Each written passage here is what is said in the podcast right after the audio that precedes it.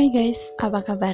Balik lagi sama podcast teman gabut Setelah sekian lama nggak bersua, akhirnya kembali lagi Di episode kali ini, masih di bulan yang sama Aku akan membahas sebuah novel karya Ibu Laila S. Chudori Ini merupakan novel kedua yang aku baca dari Ibu Laila S. Chudori Nah, novel kali ini tuh masih uh, membahas tentang sejarah Indonesia, ada kaitannya dengan sejarah Indonesia, tepatnya uh, pada tahun 1968 dan 1998. Kalau kemarin aku udah bercerita bagaimana kehidupan para aktivis pada masa itu lewat novel Biru Laut, kali ini aku akan menceritakan bagaimana kehidupan eksil politik Indonesia pada masa itu melalui novel yang berjudul Pulang. Novel ini terbit pertama kali pada tahun 2012. Nah, novel ini udah beberapa kali ganti cover. Seingat aku tuh ada yang warna kuning, warna merah, sama nggak tahu yang terakhir aku lupa warnanya, tapi kayaknya ada tiga, tiga jenis cover untuk uh, novel ini.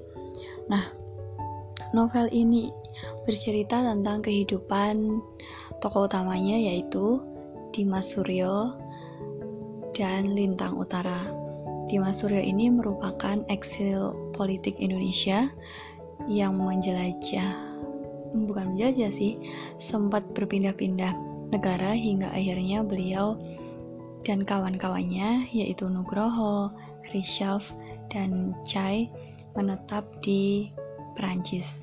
Hal ini dikarenakan pada masa pemberontakan 1965 Dimas Suryo ini uh, kebetulan diberangkatkan oleh tempat kerjanya yaitu kantor berita Nusantara yang dianggap dekat dengan Lekra. Nah, beliau itu mendapat tugas untuk melakukan semacam perjalanan dinas konferensi seperti itu di luar negeri bersama Nugroho. Nah, bersamaan dengan ini terjadilah peristiwa 1965 sehingga uh, Dimas Suryo dan kawan-kawannya ini tidak bisa kembali ke Indonesia karena resikonya ketika mereka kembali ke Indonesia mereka akan uh, apa ya dalam tanda kutip tidak akan selamat dari pemerintahan pada masa itu akhirnya mereka berjuang untuk tinggal di luar negeri sebelum akhirnya menetap di Prancis. Novel ini akan menceritakan kepada kita bagaimana kehidupan Dimas Suryo secara pribadi dari mulai beliau mahasiswa hingga akhirnya bekerja dan tempat kerjanya ini dianggap dekat dengan uh, ideologi komunis seperti itu. Novel ini akan memberikan menurut aku ya, novel ini akan memberikan perspektif sejarah, baik itu perjalanan sejarah seorang Dimas Suryo, Indonesia maupun sejarah Prancis pada masa itu, yaitu pada tahun 1968 yang juga mengalami gejolak walaupun gejolaknya tidak separah yang terjadi di Indonesia pada tahun 1965 seperti itu. Nah, kehidupan Dimas Suryo dan kawan-kawan di Prancis ini mulai cukup membaik karena pada masa itu Prancis merupakan negara tujuan para eksil politik yang mencari suaka seperti itu mencari suaka politik. Di sana beliau bertemu dengan Vivin yang kemudian menjadi istrinya. Namun ada perasaan yang belum selesai antara Dimas Suryo dengan masa lalunya di Indonesia, baik itu perasaan terhadap keluarganya seperti ibunya, kemudian juga ada perasaan romansa yang memang akan terus-menerus mendampingi cerita pulang ini sampai bab terakhir seperti itu. Nah, di Prancis, di Suryo dan kawan-kawan ini mendirikan sebuah koperasi dalam bentuk uh, rumah makan atau restoran yang diberi nama restoran tanah air. Nah, restoran tanah air ini akan menyuguhkan makanan-makanan Indonesia yang dimasak sendiri dan dikelola sendiri oleh Dimas Suryo dan kawan-kawan sehingga uh, restoran Tanah Air ini menjadi salah satu restoran favorit di Prancis dan banyak dimuat di media-media internasional. Juga berita berdirinya restoran Tanah Air ini terdengar sampai ke Indonesia. Namun karena pendirinya itu adalah seorang Dimas Suryo dan kawan-kawannya, maka ada kebijakan dari pemerintah Indonesia bahwa uh, diplomat dan orang-orang di Indonesia yang bekerja di Perancis atau sedang berkunjung ke Perancis itu dilarang makan di restoran tanah air yang dianggap akan menyebarkan ideologi komunisme pada masa itu. Kemudian di bab kedua kita akan lebih mengulas tentang kehidupan anak dari Dimas Suryo yaitu Lintang Utara. Lintang Utara merupakan seorang mahasiswi Universitas Sorbonne dengan jurusan sinematografi. Nah, di bab 2 ini kita akan mulai diajak untuk pulang kembali ke Indonesia setelah bertahun-tahun mengikuti perjalanan di Suryo di Prancis.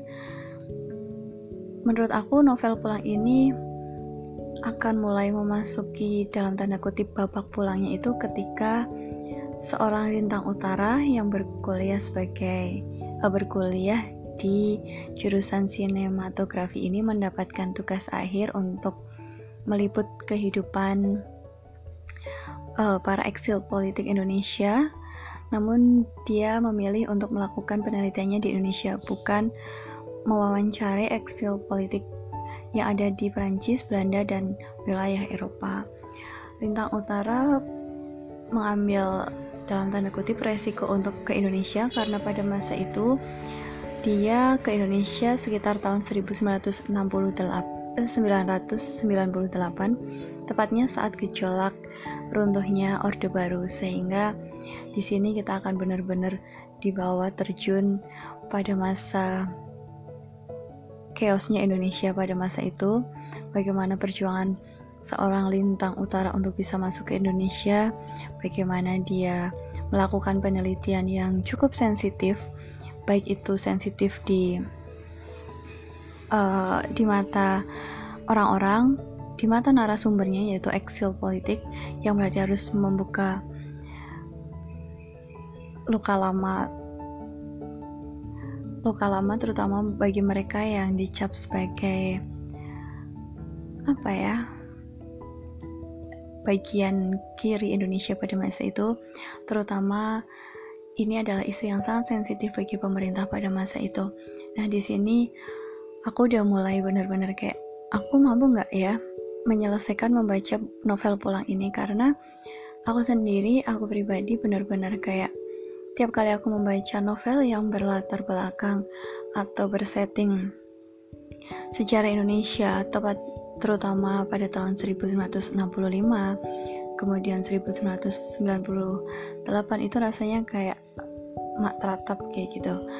Nah, novel ini benar-benar akan membawa gejolak emosi yang luar biasa kepada kita akan mengajarkan bagaimana sejarah Indonesia melalui perspektif novel yang menurut aku gampang banget dimengerti. Dan ada banyak sejarah yang apa ya diceritakan dengan mudahnya. Kemudian